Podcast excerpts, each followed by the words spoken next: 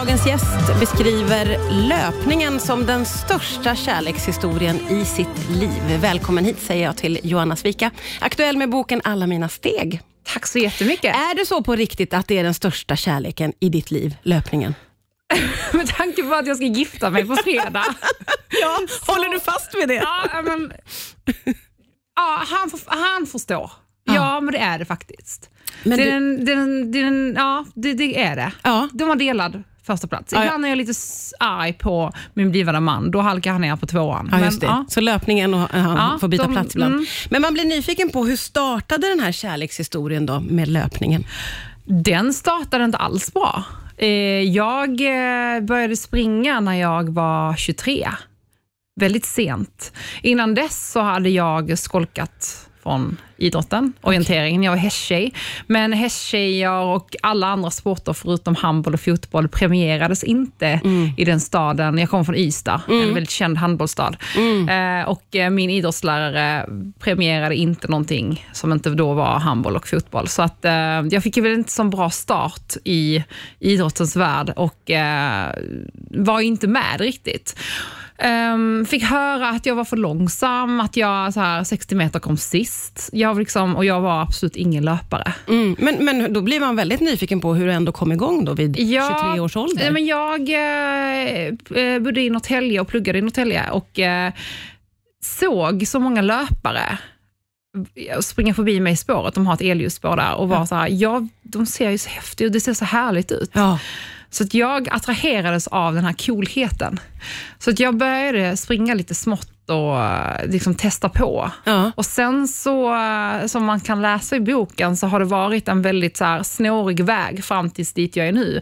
Jag körde på för hårt, jag gjorde alla de klassiska missarna. Jag eh, lämnade löpningen för crossfit, jag gick över på triathlon. Så att det, liksom, men det har, det har varit lite som en kärlekshistoria, on och off. Ja, eh, men vad är det som hela tiden gör att du kommer tillbaka då? Särskilt där i början när det var lite snårigt och det var passionerat, men sen mm. var det inte det.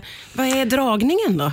Dragningen är ju känslan som löpningen ger, hur jag känner mig. Att det har varit, och nu, alltså speciellt, nu är jag ju 34, det har gått x antal år sedan jag började springa.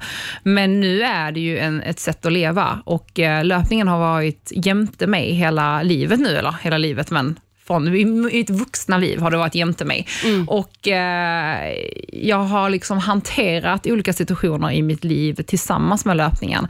Och löpningen har inte alltid varit liksom bra. Det har ju varit det har tider där jag har varit liksom sprungit väldigt destruktivt och det har varit ett, ett, ett mindre bra sätt för mig. Men jag har liksom, det har varit med mig och hanterat på olika sätt. Så att löpningen har ju gett mig min självkänsla och mitt självförtroende. Vi ska prata mer om det om en liten stund här på Rix FM. Rix FM.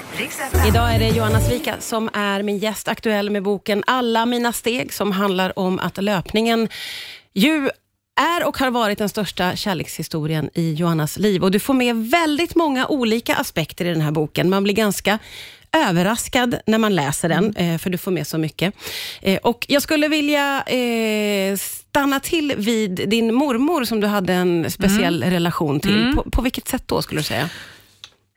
Det, ah, det, var så otroligt känsligt att skriva det stycket för att jag vill på något sätt aldrig någonsin måla upp min mormor som någon hemsk eller eh, en person med en illvilja. Men min mormor är ju, jag är från Polen eh, och min mormor var väldigt, väldigt eh, troende, eh, katolik och hade väldigt mycket bestämda åsikter eh, där kyrkan styrde och eh, det clinchade väldigt mycket. Mm. Um, och jag insåg ganska fort att jag och min mormor, uh, vi älskar varandra, jag älskar henne jättemycket, men uh, vi, höll, vi höll inte med varandra. Mm. Eller jag höll inte med henne och hennes syn på hur en kvinna kvinnas rätt i livet, eller en kvinnas plats i livet, över, överensstämde inte alls med min framtidstro.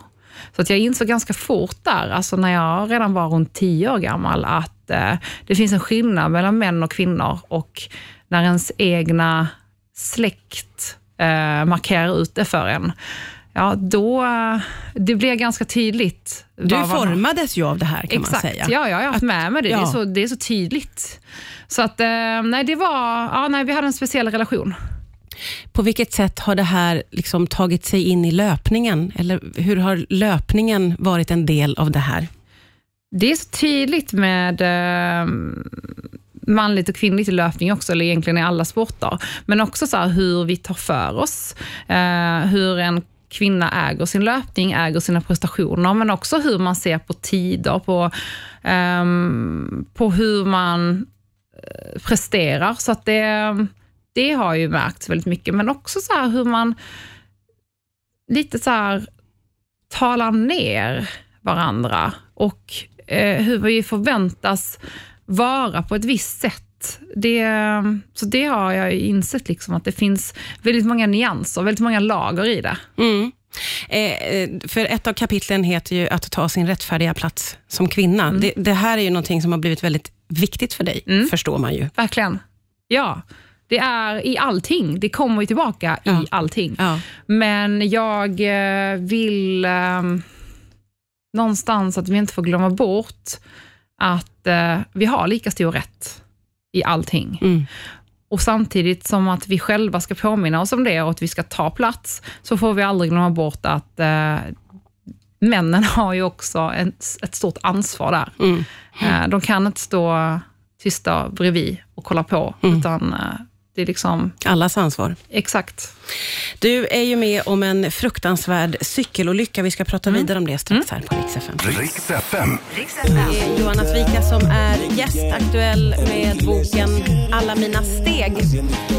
Och eh, du är ju med om en fruktansvärd cykelolycka eh, som ändrar allt. Vad var det som hände? Eh, sista uppladdningen inför Ironman Kalmar eh, för cirka tre år sedan och eh, är på väg till eh, Norrtälje, gamla Norrtäljevägen, cyklar. Och eh, frambromsarna hänger sig och jag voltar över styret och eh, landar med ansiktet. Och, eh, hjälmen går i två delar. Ilfart med eh, ambulanshelikopter in till Karolinska och har väl inte, vet väl inte så jättemycket vad som händer, för jag är, gan, alltså jag är ju inte vid medvetande eh, från och till. Och sen så Um, du liksom vaknar till i helikoptern? Ja, jag vaknar till i helikoptern. Uh, och Det enda jag minns därifrån är att han som uh, tar hand om mig i helikoptern, uh, sjukvårdaren, han har en Ironman-logga intatuerad på underarmen. Och det är det enda jag ser. Nej men gud. Det är så, jag bara, är det här en film jag är med i? Ja. Och, men det gick jättebra. De, de sydde mig med 35 stygn.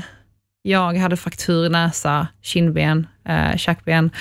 Eh, problem med tänder nu i efterhand och eh, förlorade synen på ena ögat eh, under den korta tiden jag fick tillbaka det. Men det var och eh, ordentlig hjärnskakning och eh, problem med nacken. Men det gick otroligt bra. Ja, för det som är, tycker jag, oerhört märkvärdigt är ju mm. att du eh, är ju med då sen, bara några mm. veckor senare, mm. på Ironman mm. i Kalmar. Dels låter det ju helt oerhört. Varför blev det så viktigt för dig? Jag tror aldrig någonsin jag hade gått tillbaka till triathlon efter det, eller satt mig på en cykel. Och jag tror heller inte jag hade fått tillbaka den tryggheten jag har i i sporten.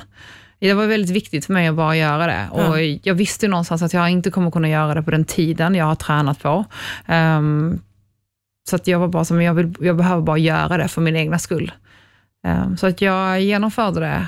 Och, uh, det. och även om jag just nu inte cyklar, jag, gjorde, jag körde ett triathlon ett år år e- till efteråt. Ja. Men sen så var jag så här, ja, det finns liksom ingen passion kvar. Jag har Nej. ingen glädje i cyklingen kvar. Nej. Och då var jag så här, behöver jag göra detta? Behöver jag tvinga mig själv till att göra detta? Nej. Så att eh, då gick jag bara enbart på löpning istället. Och, och på vilket sätt har löpningen kunnat liksom stötta dig genom det här traumat som du var med om då?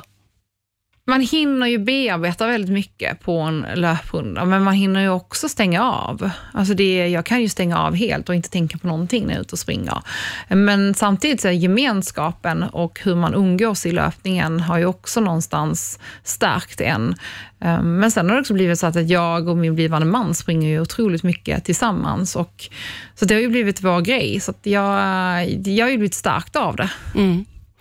Din eh, fina bok heter Alla mina steg. Tusen tack för att du kom hit idag, Tack Johanna. snälla för jag fick komma.